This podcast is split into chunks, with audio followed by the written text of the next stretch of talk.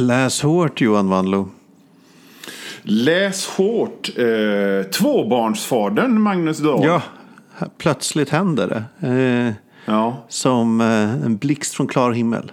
Nej, inte riktigt. Ja, ja. En, en, eh, man vet ju ganska långt innan vad som är på gång. Ja, ja, ja visst. Det, det var inte storken eller, eller Moses i vassen. Utan... Nej, Ja, ja. Men läser du hårt då eller? Ja, men jag gör, gör så gott jag kan. Alltså, det blir ju lite mindre tid eh, av naturliga skäl. Men å andra sidan är det så här att eh, man kanske är vaken ganska mycket om nätterna. Och då kan det finnas tillfälle att man smäller, När det inte smäller finns ett några kapitel. bra repriser Ja, men exakt. på Walker Texas Ranger så, så tar du fram en bok. Ja, exakt så är det. Uh, ja, nej, men det är spännande nytt liv. Ja, bara tuta och köra. Absolut. Absolut. Ja. Du har väl erfarenhet? Nej, men vad fan, Ja, jag, vi ska inte bli en pappa Jag är tonårsförälder. Ja, jag vet. Du har ju helt andra problem. Precis. Ja, Nej, men släng inte vojen i, i containern och filma nu när dina kompisar gör det. Så var inte med på det, är du snäll. ja just det. Skit i det. Nu pratar vi inte om världsliga, världsliga grejer, om kroppen. Vi pratar om, om, om konst, Ja, och liksom- kultur och litteratur och de värdena nu. Rena tankar och liksom alltså de höga metafysiska eh, sfärerna. Precis. Om, helst om de har är inslagna i pa- papper och har liksom titeln upphöjt, så pufftryckt i silver. Ja, verkligen. Det är det vi sysslar med här i Läs hårt. Verkligen. Nej, nej, men precis. Vi, vi har ju haft massa olika programförklaringar genom åren. Men eh, det, ja, det, är ju, det är ju agenter och rymdvarelser och cowboys Barbarer. och dimensionsresor och mutanter. Uråldrigas ondskor. Ja, fallna civilisationer som eh, kanske är på insidan av jorden. Och så här. Överkåta detektiv, privatdetektiver. Ja, gud ja. Ibland har det varit också. Muskelmän har det varit några stycken. Och muskelkvinnor också för den delen. Uh, Läderbyxrövs-fantasy. Och är ord som hästfantasy. vi har etablerat. Ja, precis. Vi är ju både så busy, du och jag. Du, du med ungar och jag med ja, karriär, kan man väl kalla det. Ja. Så att vi har liksom inte förberett oss så jävla mycket idag. Liksom, vad, vad, vems, vems, vems, vad är det vi brukar göra liksom nu så här Ja, men det, det, det man brukar göra. Först brukar vi skryta lite om hur bra den här podden är. Ja. Och det tycker jag vi ändå Ja, har gjort check. lite nu. Så. Eh, Sen, Yes. sen brukar jag ju typ fråga dig om du har läst något på sistone. Eller om du liksom Ja, har funderat på något på sistone. Så, sen senast. Ja. Eh, Kan någon av Men de du- frågorna stämma in på dig den här gången? ja, men det kan det göra. För jag har funderat på en sak. Det är liksom ingen, det är ingen djup fundering överhuvudtaget. Utan det är bara liksom en grej som jag har noterat. Att, ska vi se, ta fram mina anteckningar här. Eh, det finns, det finns framförallt serieförfattare men även andra författare sådär som jag gillar. Eh, eh, och sådär. Och jag är liksom ett fan av deras, deras persona. Jag är ett fan av det de säger i intervjuer och på sociala medier och i deras newsletters och sådär. Och jag följer deras bloggar och, och jag köper böcker och musik som de rekommenderar. Men jag är inte nödvändigtvis ett fan av det de gör. Men du tycker Och- och de har så största- god smak? Tillräckligt bra smak så? Ja, eller är sköna, eller jag gillar liksom... Jag är en sucker för andra kreativa människor som, som liksom skriver om, om sin process. Inte bara sin process, utan sin dag. Liksom. Vardagen och livet. Som, som skapande människa och hur man, hur man liksom... Ekonomi och hela skiten. Det största exemplet på detta, det största och bästa exemplet på detta är Warren Ellis. Som jag tycker är meh. Alltså han, han, när han, jag, jag har inte läst hans prosa. Och jag har eh, liksom läst rätt mycket av hans serier och de är antingen skitdåliga eller helt okej. Ja, Warren Ellis är ju någon vi återkommer till som liksom, han är ja, men verkligen antingen eller. Det är, så är Ja. Och det är liksom inte det att man är antingen eller mot Warren Ellis utan man är antingen eller mot hans verk. De är aldrig sådär... eh, Ja, utan de är antingen åh gud vad dåligt det här var. Eller så är det bra. det. Ja, han gör Men aldrig något som är tre stjärnor. Liksom, utan det är alltid typ en etta eller en femma. Ja, precis. Och jag, jag känner att däremot så, så liksom, det är ju, jag, jag nästan väntar på att hans newsletter ska droppa varje söndag. Mm. För att han skriver så roligt om, om, om sitt skrivande. Han skriver ingenting om sitt personliga liv utan det är bara om hur han jobbar och vad han jobbar med och, och liksom hur han hanterar det och hur han nästan dör av stress och så vidare. Och likadant, eh, jag har köpt eh, liksom typ två böcker och sen framförallt har jag skaffat en massa musik som han, som han rekommenderar. För att jag har blivit lite småintresserad av ambient drone på sista tiden. Eh, som jag har gillat. Och jag tycker det är rätt fascinerande att, att, att jag, jag är inte så noga med att läsa Warren Ellis jag, jag skiter fullständigt i att han skriver Castlevania-animen. Ja, det känner jag Eh, också jag- att jag bara rycker på axlarna åt. Ja, och jag menar, jag var inte, det är inte liksom så noga med att han skriver en ny Batman, eh, Batman maxi-serie som heter The Batman's Grave. Och, och The Trees var väl det sista jag gillade av honom sådär riktigt mycket. Nej, jag läste Men första när- när- albumet där av The Trees. Det var faktiskt bra. Ja. ja, visst, och det är en skön atmosfär i det. Men newsletteret, jävlar. Jag, hans är den enda sån personliga blogg jag fortfarande följer. Alltså jag gillar att han Så- alltid inleder med att hälsa. Han bor väl i London typ. Men att han hälsar från det här Ja. Thames-deltat. Det tycker jag är roligt. Hello out here on the Thames Delta. Ja. Ja, visst. Och då frågar jag bara, är det någonting som du kan känna dig igen dig i på något sätt? Ja, det, alltså just Warren Ellis tycker jag är intressant. För kanske att för när kan det vara? Ja, men nästan, det måste vara typ på 20 år sedan nu. Så var, tyckte jag han var Mm. det bästa någonsin. Med Transmetropolitan och ehm, vad heter det? Auth- Authority och allt vad de hette som han skrev. Ja, ja visst. Så jävla bra. Authority har jag läst men inte Transmetropolitan faktiskt. Jag gillar liksom inte bildspr- liksom det visuella språket i den med en, med en tuff punkare. Ja. Som är någon slags all no Nej, det Nej, är fattar på samma anledning som jag inte gillar. Men, eh, alltså det- Jag kan inte gilla Sandman någonsin. För att han är goth.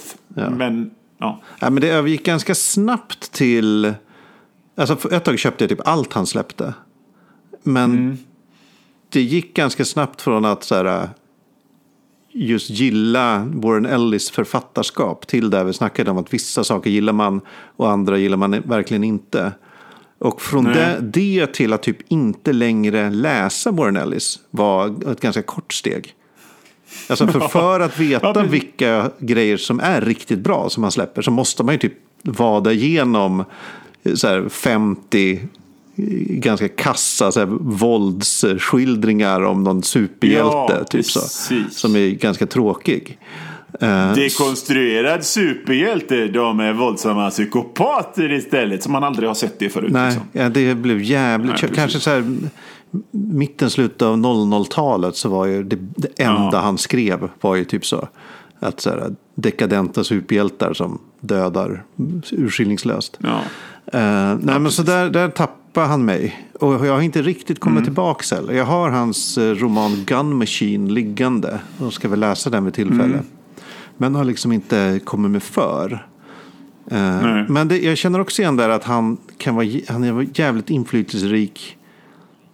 Alltså i, i- liksom, utanför sitt författarskap. Jag kommer ihåg att han skrev Mm. någon gång för länge sedan att han hade han skrev sin första roman, eh, vad nu den hette. Den, Eh, Crooked Little Vein, va? exakt, skrev han på sin Nokia N92 och någon så här Bluetooth-tangentbord på puben. Och det kände jag, det var så jävla inspirerande att läsa.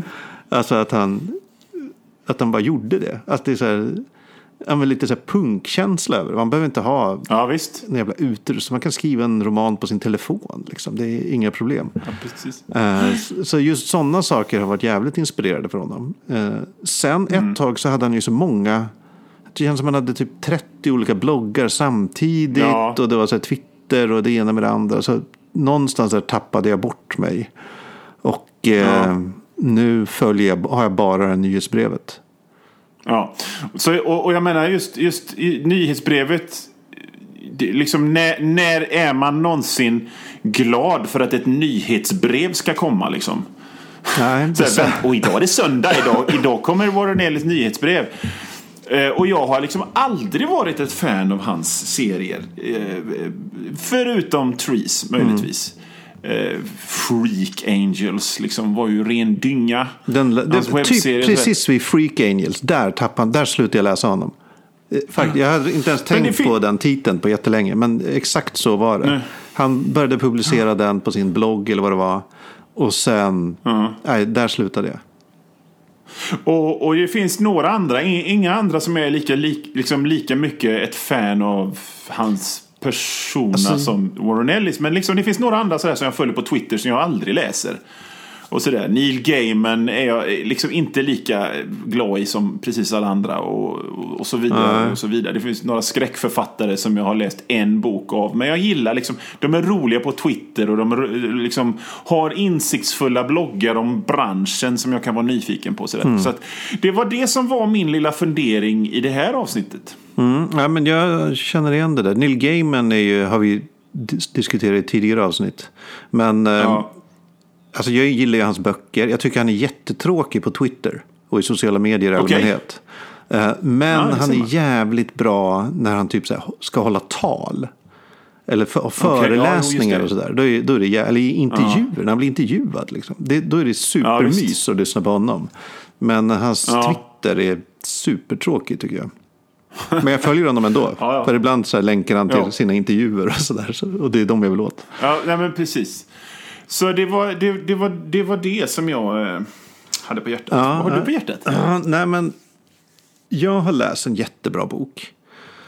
Okej. Alltså en så här jätte, jättebra bok av Guy Gabriel Kay. Hans senaste som heter A Brightness Long Ago. Eh, och den, alltså den är sensationellt bra. Jag är ju ett stort fan av Guy Gabriel Kay. Jag älskar typ allt han har gjort. Med något litet Ja. undantag. Eh, han har liksom, det är något så här, han har skrivit med så jävla vemod. Alltså han, han kan liksom få en actionscen att vara, att känna så här, alltså, här går något oåterkalleligt förlorat. Här förlorar världen någonting vackert och stort. Så här. Och så är det liksom en hästkapplöpning. Eh, alltså, alltså han har sån jävla, eh, alltså han spelar i alla fall på alla mina strängar nästan hela tiden. Ja, visst. Eh, och Brightness Jag har aldrig läst honom. Nej, men jag, jag kan tipsa om ja, allt han har skrivit. Okej. Men kanske framför allt... Alltså jag vet inte om jag skulle säga en bok du borde läsa med honom så säger jag The Lions of Al-Rassan kanske. Okej. Ja. Eller mm, Under Heaven är också väldigt bra. Okej. Ehm, Anyway, jag läste den här boken och det var underbart. Och, mm, så tänkte jag så här, fan den kändes, kändes väldigt annorlunda från andra så här, modern fantasy som släpps. Alltså den, den är, alltså den är förvisso storydriven. Det är inte bara så att, att det ska vara stil, stilistiska övningar och så där som eh, vi föraktar i den här podden. Utan det är, det är handling. Men vi har varit inne på det här i något tidigare avsnitt. Alltså den, mycket fantasy, eller fantasy science fiction genre så här, som släpps nu, speciellt om det är serier eller stora böcker eller så här, så är det ju det är det här med mysterier som vi har pratat om. Att eh, Ja, precis. det, varje fantasy-trilogi är som en pusseldeckare. Fast det är liksom inget deckarmysterie, utan mysteriet är världen. Så här, hur Ja. funkar världen och vad är det som egentligen pågår? Och så se, hela liksom science fiction, fantasy, fandom på internet verkar ju typ nu bara bestå av att sitta och pussla ihop olika ledtrådar ur typ Brandon Sandersons senaste bok för att få reda på vad som egentligen... Alltså, Ja, får jag sidospåra bara i två minuter? Ja, gör det. För jag har just tänkt på det här, det här, eh, det här berättandet. Mm. För att det har ju kommit en, eh, en tv-serie av Watchmen. Ja, just det. Jag som, som jag inte har sett. Ja, och då, slog, då, då, då, då mindes jag tillbaka till... För jag läste den i lösnummer när den kom. Mm. Och, och det var ju det, det här berättandet som sen ja, Damon Lindehoff som gör den här Watchmen-tv-serien, men även JJ Abrams, eh, gjorde populärt i och med tv-serien Lost. Mm. Det vill säga, här är lite info. Mm. Här är en del info. Här kommer tre del nya frågor. Och så i nästa avsnitt så, så, lös, så, så, svaras på en av de frågorna. Och så kommer två delar nya frågor till i det här pusslet. Det började, första exemplet på det, det där typet av, av, berättande. Och det är det jag antar att det är du, det du pratar om, ja, det här det pusslet med världen. Eh, handlar om. Watchmen, när jag läste Watchmen första gången var första gången jag upplevde det sättet att, att berätta en historia. Mm. Ja, det, det låter ja, inte det, helt fel faktiskt. Jag tror... Nej, det var bara det som var sidospåret. Förlåt. Ja. Men jag, var, alltså jag har tänkt på det de senaste dagarna så jag var bara tvungen ja, att säga det. Nej, men för Watchmen, eh, nya Watchmen tv-serien. Där verkar det ju... Mm. Där ser man ju redan alltså internet-fandom börjar säga, oh, men vad var det här för referens och vad kan det betyda och vad är det här för något? Och, liksom, mm. det, det, mm. Uh, och jag kommer direkt att tänka på liksom all, typ allt som hade med Game of Thrones att göra var ju bara mm -hmm. att spekulera om vad som kommer hända framåt. Och det finns ju massa sådana mm. exempel, typ True Detective, första säsongen var ju en enda ja. liksom, spekulationsfest på internet. Lost är min enda referens i detta. För att liksom, när den slutade så uh, slutade jag kolla på tv i princip. Uh, men ja, jag fattar vad du ja. menar. Och, ja. Uh, ja, men precis. Lost är väl paradexemplet på den här typen ja. av berättande. Mm. Och alltså det, det, det är väl inget konstigt egentligen med det, att man skriver på det sättet. Men det konstiga är ju när, när det känns som det här har tagit över eh, liksom, att alla fans, det enda de bryr sig om, mm. eller vi mm. bryr oss om kanske, är just mm. det här pusslandet och ledtrådarna och frågorna och mysterierna. Eh, att man mm. egentligen inte bryr sig om eh, verket som man har framför sig. Utan verket man har framför sig är bara som en språngbräda till något annat. Eller så här, en, mm. en, en, en hop fakta som man kanske kan pussla ihop någonting som kommer hända framåt om. Eh, vilket ja. jag tycker känns... Alltså det att tolka ledtrådarna, det känns så jäkla... Det känns som ett tråkigt sätt att ta sig an kultur. Det, det, serieförfattaren Brian Michael Bendis är ju jävligt underhållande när han intervjuas. Mm. Och han säger så här att liksom det är, ett, det är ett dubbeleggat svärd det där berättandet. För att dels så hookar man folk och folk älskar det där. Mm. Samtidigt så skriver de resten av grejen i sitt huvud och det suger alltid. Det är alltid jättedåligt. Ja, alltså, jag tänker på var alla spekulationer om så här, hur Game of Thrones skulle sluta. Alltså, mm. det är så jävla mycket dåliga idéer och teorier och hittepå. Och inget visar sig mm. stämma heller. Eller liksom så här, det är klart, vissa Nej. gissar ju rätt. Så här. Men det är också så här, vad, vad, vad bety- varför är det viktigt? Alltså, ja. det, jag, jag fattar att det har blir så. Jag fattar att det lockar. Det har lockat mig jättemycket i perioder. Ja, absolut, jag förstår precis. Liksom. Eh, och det är också så ett väldigt enkelt sätt att diskutera konst. Eller mm. litteratur. För det finns... Mm. Man behöver inte kunna något egentligen. Man kan alltid spekulera i vad som kommer hända i nästa avsnitt och sådär. Eh, mm. Men det var så uppfriskande att läsa Guy Gravel Case senast där. Alltså att riktigt...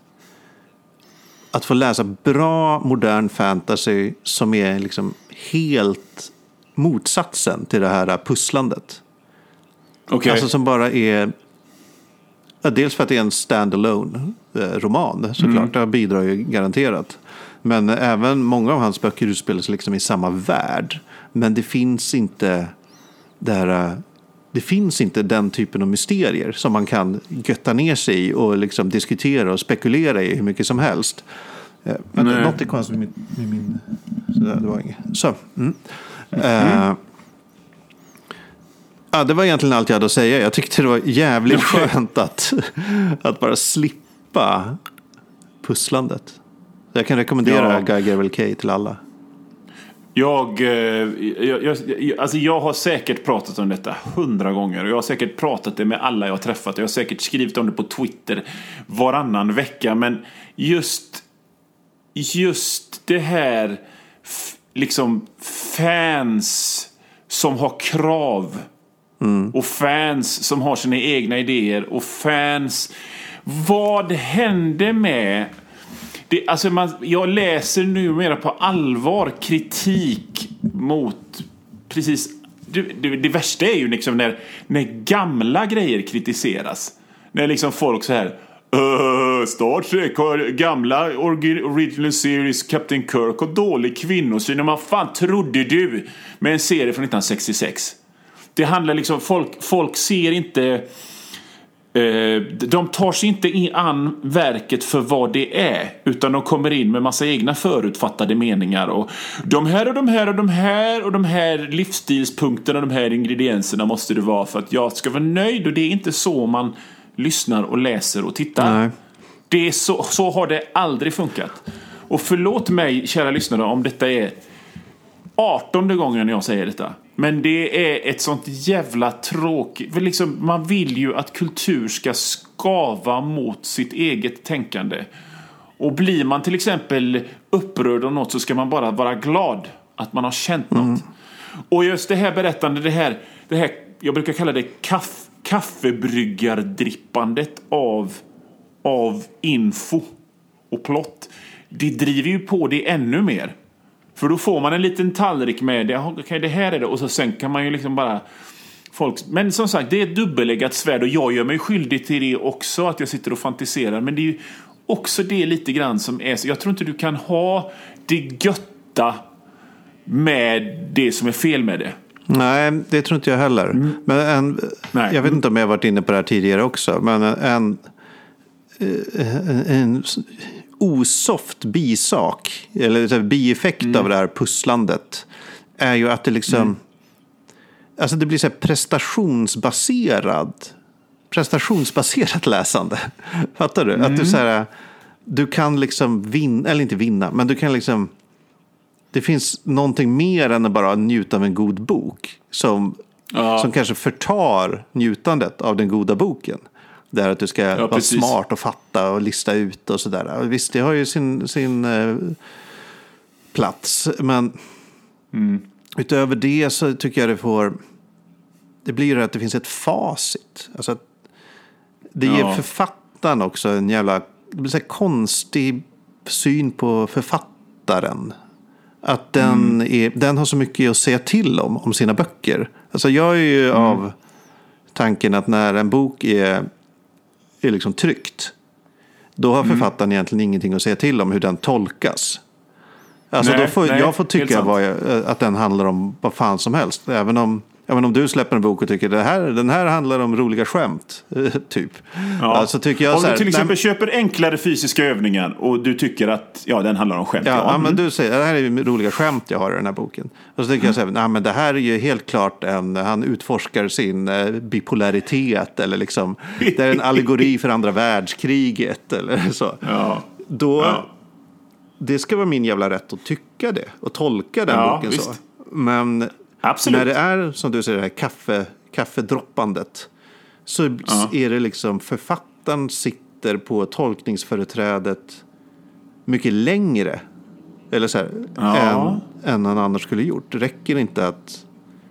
Ah, ah, jag vet inte, jag ska kanske snurra in mig här. Men det, det är något, något skevt med fan-författardynamiken i den här typen av Ja. eh, berättande tycker jag. Eller den här typen av fandom kanske. Det värsta är ju när det är uppenbart att eh, liksom skaparen av ett verk inte har en aning själv. det, det är ju så värdelöst. Eh, Men, men jag, jag håller med att det kan vara jävligt skönt att eh, liksom ha någonting stand-alone ibland. Som bara, som bara är i sig. Ja. Jag kommer tänka, men det här är ju inget nytt. Jag kommer att tänka på när jag kollade på, på deckare på tv med min pappa när jag var liten. Fan vad jobbig han var. Han, han, han, alltid när vi satt och tittade på Eh, vad fan det nu kunde vara. En röst Så- i så- natten. Jag har räknat ut vem som mördaren är. Nu, nu, jag vet nog vem som har gjort det. Ja. Det finns ju liksom... Eh, men det är det är just prestationsläsaren. Det fanns en, eh, en, en, en kusinduo av författare som gjorde pusseldeckare under namnet Ellery Queen. Och de första 20 av dem som kom på 20-30-talet, då var det verkligen så här en, en, en paus i böckerna. Så här, ja, nu läsarna, nu har ni fått alla ledtrådar. Kan ni räkna ut vem mördaren är? Svaret kommer här. Ja, Ja. Äh, det, jag vill det, inte prestera. jag har älskat sånt där tidigare. Men eh, nu gör jag det inte längre tydligen.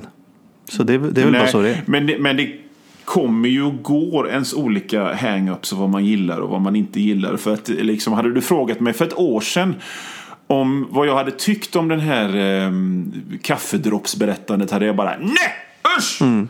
Men nu så, jag, jag skulle vilja götta in mig i något sånt långt härligt igen. Faktiskt. Alltså man det har ju det här fördelen att man verkligen kan gå upp helt i en story. Mm. Alltså man kan, man, det, man kan fortsätta tänka på den egentligen hur länge som helst. Man kan fortsätta diskutera Mm. hur länge som helst. Uh, ramlar du av nu? nej, nej, nej, nej, här. jag bara, det blev så tyst. Uh, Nej, men vi, är så, vi är så vana vid tekniska problem, men nu, nu flyter det. ja, det är helt sjukt. Ta i trä. Ta i trä. Men du Eh, Johan, bra. har du läst något på sistone? Ja, jag har läst någonting. Eh, Jag har läst en bok som heter Lady of the Lake eh, av Laura Lippman. Och det är en deckare. Eh, Fråga mig inte hur jag fick nys om den. Jag bara liksom... Det kan ha varit Stephen Kings Twitter. Där han skrev den är bra. Köp den och så kände jag, ja okej. Så köpte jag och läste den. Och det är alltså en deckare-ish i det att det handlar om ett kriminalfall.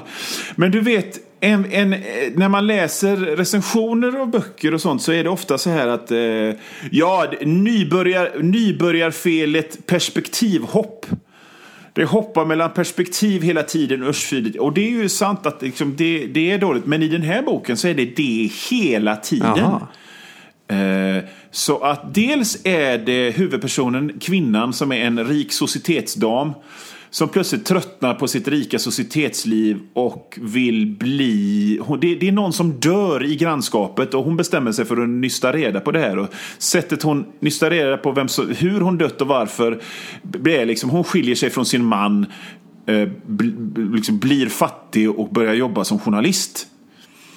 Och typ var tredje kapitel är från hennes eh, synvinkel. Var tre, liksom, sen, kommer, sen kan nästa kapitel vara ifrån personen hon träffade i förra kapitlet. Okej. He- Dennes syn på saken. Och sen kan nästa kapitel vara från den döda kvinnans eh, eh, synvinkel, typ i efterlivet. Men eh, är, Varför är det här du dåligt med det här? tycker du? Eller är det... Skitbra! Ja. Det är skitbra! Det är så jävla bra och alla är liksom lite rötna och sura och själviska och, eh, och sådär. Och det, det var, eh, om vi säger så här, till 70% i boken så kände jag det här är den bästa deckan thrillen sen Gillian Flynns Gone Girl. Jävlar. Sen tyckte jag den liksom haltade iväg och, och, och, och, blev liksom inte... Jag hade gjort felet att jag hade skrivit resten i mitt huvud och det blev inte som jag ville. Men samtidigt så var just det greppet så jävla tufft och gjort på ett sånt fräckt sätt. Så att det var en grandios läsupplevelse faktiskt. I denna trötta genre. Fan vad kul. Lady of the Lake av Laura Lippman. Alltså den bästa här, olika perspektivgrejer jag har läst är eh, Kim Stanley Mm. Robinsons eh, Red Mars-trilogi. Det är mm. helt sin- alltså, det är så här, okej, ena perspektivet kanske Kalle. Eh, Mm. Kalle går runt och tycker olika saker och så här, tycker att Kajsa är en jävla idiot, typ så. Eh, och man är så här helt på Kalles sida. Tycker han, är, han har så jävla rätt. Det är liksom så här, han är rätt på ett så här på ett filosofiskt plan. Typ så här, det är så här, Guds sanning, är, är, tycker han. Ja. Eh, sen nästa perspektiv, Kajsa. Hon går runt Ja. och tycker Kalle är en jävla idiot. Och, liksom så det, och man bara, fan, Kajsa har ju rätt. alltså det är så, Ja. Man blir så Men det- men det- 100% övertygad av eh, det, det aktuella perspektivet. Det är, tycker Ja. jag är så jävla sällsynt men härligt. Men det är exakt samma som det är i den här Ja. boken. Eh, även om den utspelas då på 60-talet i New York eller vad det är. Eh, men, och i, i journalist, Ja. eh, poliskretsar. Jag kanske ska kolla upp det. Du, är det dags för oss att, eh, att ta oss an själva huvudnumret? nu, Det tror jag kanske? faktiskt att det är. Ja. Ska jag introducera ja, men det då? gör eftersom det. min Gör idé? det. Ja, det är så här att under mina litterära resor, när man, jag har slösurfat, så har jag så noterat att det fanns en stor och livaktig genre med cozy, cozy cat mysteries. Och jag blev så jävla nyfiken på vad fan det kunde vara. Liksom. Vad, vad, vad, vad grejen med cozy cat mysteries var. Så att eh, vi tog varsin cozy cat mystery ur två olika eh, rätt långa serier och läste var och en för sig. Och jag kommer inte ihåg vad din hette. Ja, men det kan jag berätta för dig. Eh, Min Ja. heter Double Booked for Death av Ali Brandon. Okej. Och det är A Black Cat Bookshop Mystery, första delen. Ja. Och jag läste Murder Past Due av Miranda James som var eh, nummer ett i The Cat in the Stacks series. Ja. Vem, vem ska börja tycker du? Ja, alltså... Ja, du bestämmer. Ska jag börja? Okej, Ska du men börja? då kan jag, då, då, då kan jag börja. Eh, för att till att börja med, eftersom, eftersom eh, jag är en busy kille så hade jag gjort rätt dålig research. För jag sa i förra programmet att alla de här böckerna handlar om en kvinna som ärver en, eh, en, ett, en bokhandel eller eh, eh, jobbar på bibliotek och har en smart katt. Och eh, sen när jag började läsa min bok så insåg jag fan också huvudpersonen är en man. Men boken är skriven av en kvinna. Och den här mannen är en southern gentleman i 50-årsåldern och har en, en katt. Och han jobbar i bokhandel, så, eller på ett bibliotek. Så att jag hade ju eh, nästan rätt. Ja, det är typ samma, samma grannskap i alla fall. Ja, i alla fall. Och det, han, han, den här eh, mannen, han är så jävla trevlig och mysig och cozy. Och han jobbar då på ett bibliotek eh, och en, i någon liten ort i sydstaterna. Och plötsligt så, så eh, kommer ortens stora författare. Han återvänder då och han är ett rövhål. Och alla i boken tycker illa om honom av olika anledningar. Den här huvudpersonen då blev mobbad av den här killen på high school. Och, och eh, liksom huvudpersonens chef hade varit ihop med honom en gång i tiden. Och han hade varit en idiot och varit otrogen och så vidare. Och han hittas död på sitt hotell. Du, du, du. Dun, dun, dun. Och alla har haft anledningar att mörda honom. Inklusive huvudpersonens inneboende. What? Som visar sig vara den här författarens son. Oj. Mystiskt. Ja, och, och, och grejen är så här att, att eh, jag tänker inte spoila vad som händer för det har jag typ nästan glömt. Men cozy är ordet liksom. För det är så puttinuttigt och cozy och trevligt. Och, och, och, och liksom, det, det, all, allt som är mysigt i boken är förhöjt. Allt ifrån att det äts cheesecake och kakor till teet till att huvudpersonen har en väldigt mysig tröja och att han har tofflor på sig och, och allt sånt där. Och, eh, det, det, är, det, det är så, liksom förhöjelsen av allt som är cozy är så jävla... Och och liksom, samtidigt så är den, som vissa böcker kan vara när man läser så här, liksom jävligt stumt språk och det här liksom, det mest målande uttrycket var Julia gave me a cold look that made me feel like putting on a sweater. Liksom mer målande och liksom saftigt språk blir det inte i den här boken. Och, och sådär. Ja, jag känner igen det från min också. Väldigt... Eh, Ja. Ja, men gre grejen var så här att, att, att och, jag tyckte det var jävligt trevligt att läsa den här boken och det gick. Boken var på 300-ish sidor och jag läste den i två sittningar på max en och en halv timme samtidigt. Alltså min bok var, bara... jag måste kolla här, 320-ish sidor. Och det gick så jävla ja. snabbt att läsa den. Alltså det gick jätte, ja, jättesnabbt. Swoosh lät det. Ja, visst. Och, så, så, att, så att jag blev liksom inte... Jag blev inte sugen kanske på att läsa fler serie, böcker i den här serien, men jag kanske jag kanske kommer att hoppa liksom läsa din bok. Ja, alltså. Eller någon annan Jag gillade min bok väldigt mycket faktiskt. Ja. Ja, jag, jag, gillade min bok också jävligt mycket för att, för att eh, eller ja, jävligt mycket och jävligt mycket. Jag hade liksom issues med den. Eh, men det var, jag hade trevligt hela tiden. Ja. Faktiskt. Jävligt trevligt. Alltså min, the Double Booked for Death som min handl heter. Ja. Den handlar ju om, den handlar ju faktiskt om en ung kvinna som ärver en bokhandel av sin faster eller mm. moster mm. eller vad det var. Uh, ja. Och med, i den här bokhandeln så finns, finns katten Hamlet som hon liksom fick med mm. på köpet om man säger så. Uh, mm. min, min katt heter Diesel, Diesel i min bok. Mm. Mm. Fortsätt. Nice. Och eh, ja, men det är så här, innan fasten dog så hade hon på något sätt arrangerat ett så här, författarbesök. Uh, och mm. författarbesöket var från uh, ja, men typ Stephanie Meyer eller typ så här, någon eh, någon som har skrivit världens populäraste serie bland unga tjejer. Eh, mm. Och den här författaren kommer på besök, är lite konstig och det är så här, eh, hon, en som jobbar på bokhandeln anklagar henne för att liksom snott hennes novell från när de gick på skrivarutbildning tillsammans. Och det är någon, någon så som står och protesterar på gatan utanför och det är så jättemånga fans som köar. Och det är så här konstiga personer i hennes entourage och sådär. Och så plötsligt blir hon påkörd av en bil utanför bokhandeln. Mm. Eh, som kördes av då Alltså det, är också, det är så många misstänkta, många möjliga misstänkta, för bilen kördes av så galna, galna frikyrkliga personer som skulle komma och så försöka frälsa alla häxfans. För böckerna handlar om häxor. Ja. Uh, okay. Men myset är ju en sån jävla stor faktor. För även om Ja. Det är liksom ett mord det handlar om. Så alltså, ja. det beskrivs ju inga, det är inga så här, kroppar direkt. Det är Nej. inte så här frossande i, i så här sönderslitna lemmar eller blod eller liksom så. Utan Nej.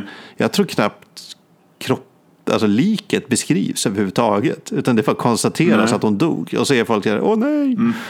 Uh, men jag, jag, alltså, jag, språket är jävligt spännande. Uh, jag kan börja, mm. alltså första meningen tycker jag sätter tonen för den här boken. Mystonen. Den går så här. Ja, ja, ja. Afternoon sun spilled through the mottled glass of the double front doors leading into Pettistone's fine books. The golden light stripping the dark figure sprawled upon the faded oriental rug that served as a welcome mat. det är så jävla... det är, de tar i så mycket med myset. Men det blir ja, mysigt ja. också. Det är det som är så konstigt. Ja, man visst. sitter där och här, uh, har, det, har det jävligt mm. gött när man läser den. Det, det, verkar som din bok, för att jag, jag tänkte på när jag läste min bok att det här är nästan lika, det är riktat nästan säljigt in till en viss målgrupp. Det låter som din bok också, du vet den här typen av, av bokälskare men inte nödvändigtvis litteraturälskare. Alltså typ vårt folk. Ja. Som, som längtar efter lugn och ro och någon slags bokig, tillbakadragen, bekväm livsstil på något sätt. Ingrott och gött i ett bibliotek eller, i, i, eller liksom bland mustiga bokhyllor. Ah, det där, det känns som liksom att det, det, det är porr för sådana människor, kändes min bok. Det mm. känns som din bok är det också. Ja, eller? men verkligen. Alltså det, det är en väldigt tydlig målgrupp skulle jag säga. Alltså att det är ju, mm. Jag tror framförallt att det är riktat mot kvinnor. Eh, oh. Kanske något äldre kvinnor. Mm. Eh, men alltså... Ja, alltså helt klart vårt folk. Alltså, ja, man, men det, det, är lite så här comfort food. Det är som jag kan läsa Ja, fantasy ja, ja. som är alltså, ganska klyschig och så här, eh, skriven på samma sätt som all annan fantasy. För att det, man vet vad man får, man, typ, man, det är lite mysrysigt ibland, så här, det är kanske lite läskigt eller lite dramatiskt. Men man vet att det är, så här, ja, men det är, det är härligt det här ändå. Eh, det är så här, ja, precis som att ta på sig en, en bekväm gammal tröja. Ja. Men din, katten i din bok, vad hade den för, eh, för roll? Ja, det, det, det, det var den stora chocken och den stora besvikelsen att katten hade fan ingen roll alls. Katt, alltså serien heter A Cat in the Stacks Mystery. Ja. Katt, liksom den här huvudpersonen, han går omkring med sin katt. Och katten nämns hela tiden.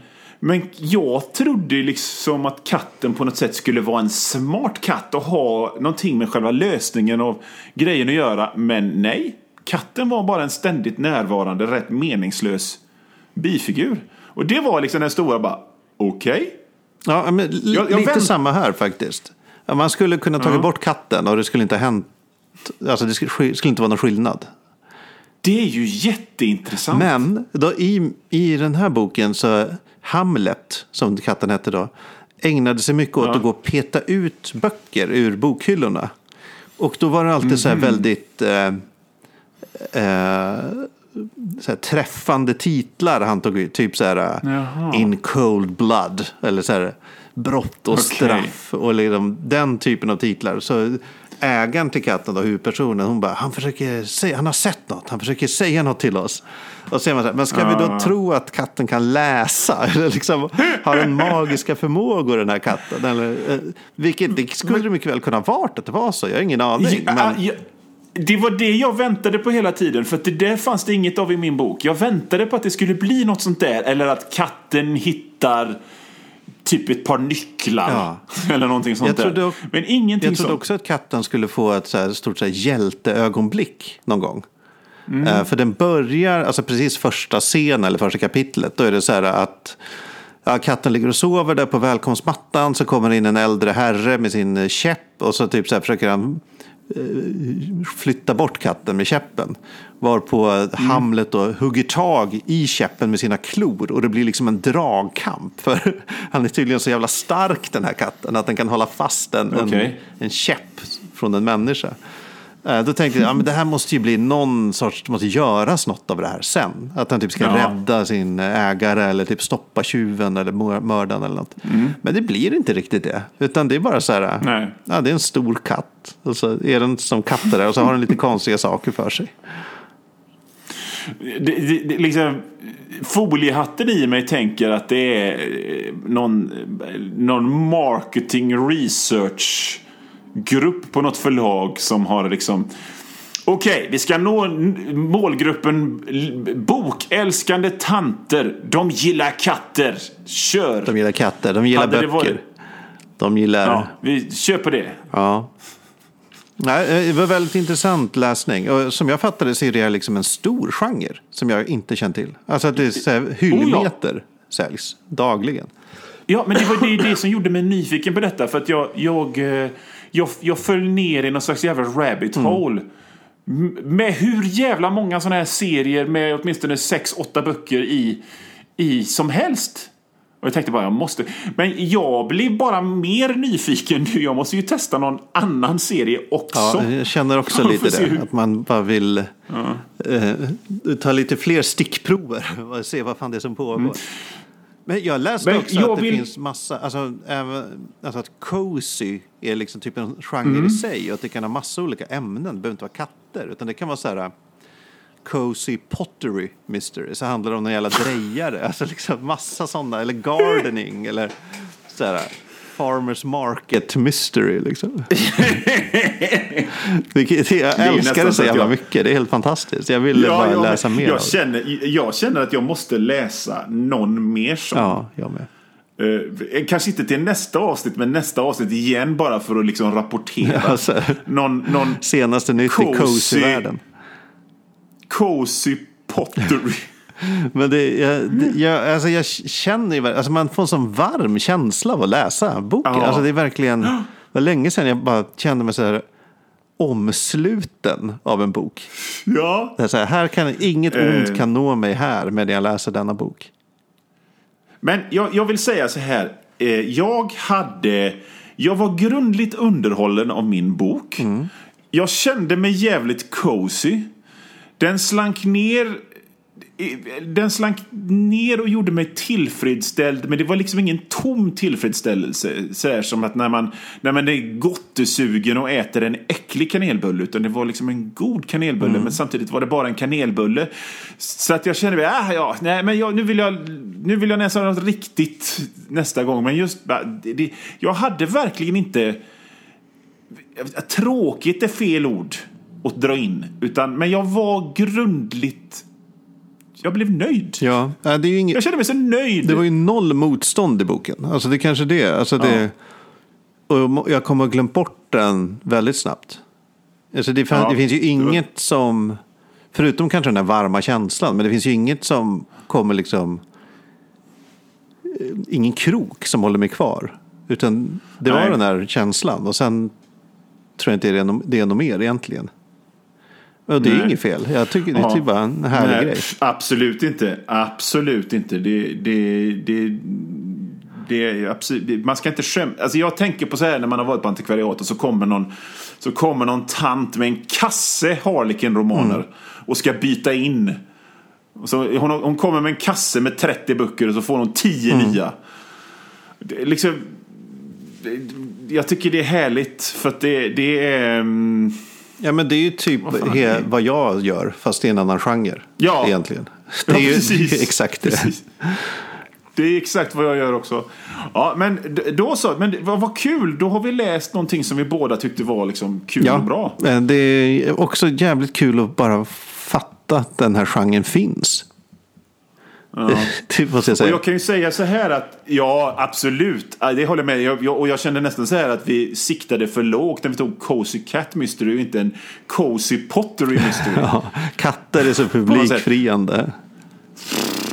Så, jävla mycket katter. Det hade varit bättre om de hade liksom typ en, någon med en eh, papegoja på axeln. Deckare. Ja. Cozy Men, Pirate men jag Mystery. vill bara säga det här också. Jag, jag, har, ju- jag har ju läst rätt mycket. Det, det var ju länge sedan. Det var ju 20 år sedan jag var inne i min klassiska pusseldeckarperiod. Och, och det här var ju också en pusseldeckare. Men det var ju... I sammanhanget så, så gjorde författaren oerhört lätt för läsaren. För att med jämna mellanrum så, så rekapitulerade hon i dialogen. Liksom, Okej, det här är de misstänkta. Detta är vad som har hänt. Och detta är bevisen vi har hittat. Det skulle ju aldrig John Dixon Carr göra. Utan han skulle ju bara vara liksom helt iskallt räkna med att man kommer ihåg den här personen som vid två tillfällen tittat in genom ett fönster och sagt ho. Sådär. Så att eh, det, var- det, var, det var verkligen inget motstånd. Men det var... Det, det, fan, ibland är det gott med brulépudding också. Mm, det är det ju. Ja, eh, pusselbiten i den här var inte... eh, Det kändes inte heller som det viktiga. Utan det var bara alltså ett sätt att förmedla mys. Typ. Det skulle vara cozy helt Ja. enkelt. Uh, ja, men du, Ja. till nästa avsnitt. Som då kommer i, i slutet av november. Så har jag funderat eh, på vad vi ska läsa. Och vi, jag tänker att vi ska läsa en kort roman så här på 140 sidor. Ja. Det är väl lagom. Det är precis lagom. Eh, eh, det är en romans, kortroman skriven av en snubbe som heter, uh, ursäkta uttal, men P, då initialen P. Och sen Jelly, Jelly, Jelly kanske. Okej. D-J, E med accent, L, I med accent. Clark i efternamn. Okej. Eh, och den heter The Haunting of Tram Car 15. Eller 15 då kanske man ska prata engelska. Eh, Ja. varför har jag valt den här undrar du?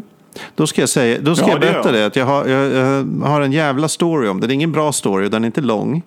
Eh, men den, är, den, den är så här att för ett tag sedan läste jag en, en, en novell av den här killen. Som hette Mm. A Dead Gin in Cairo. Eh, som var sinnessjukt bra. Jätte, jättebra var den. Mm. Okej. Mm. Älskade den. Eh, och den här uh, The Haunting of Tramcar 15. Berg, är, som jag fattar utspelar den sig liksom i samma stad, eller vad man ska säga. Samma uh, värld som uh, den här novellen. Eh, du behöver inte läsa novellen A, Dead Gene in Cairo, men jag kan ändå rekommendera det bara för att den var jäkla bra tyckte jag. Okej, okej. Och den är väldigt kort. Eh, så min story, varför jag valde den här, är för att jag tidigare har läst något bra av författaren. Ja. Ja. Drama. Det är en helt, helt, helt accept, acceptabel anledning. Eh, Känner jag. Så eh, läs eh, alla lyssnare. The Haunting of Tramcar 15 av P. Jelly Clark. Det ska jag göra i alla fall. Läs hårt Läs Magnus. hårt Johan.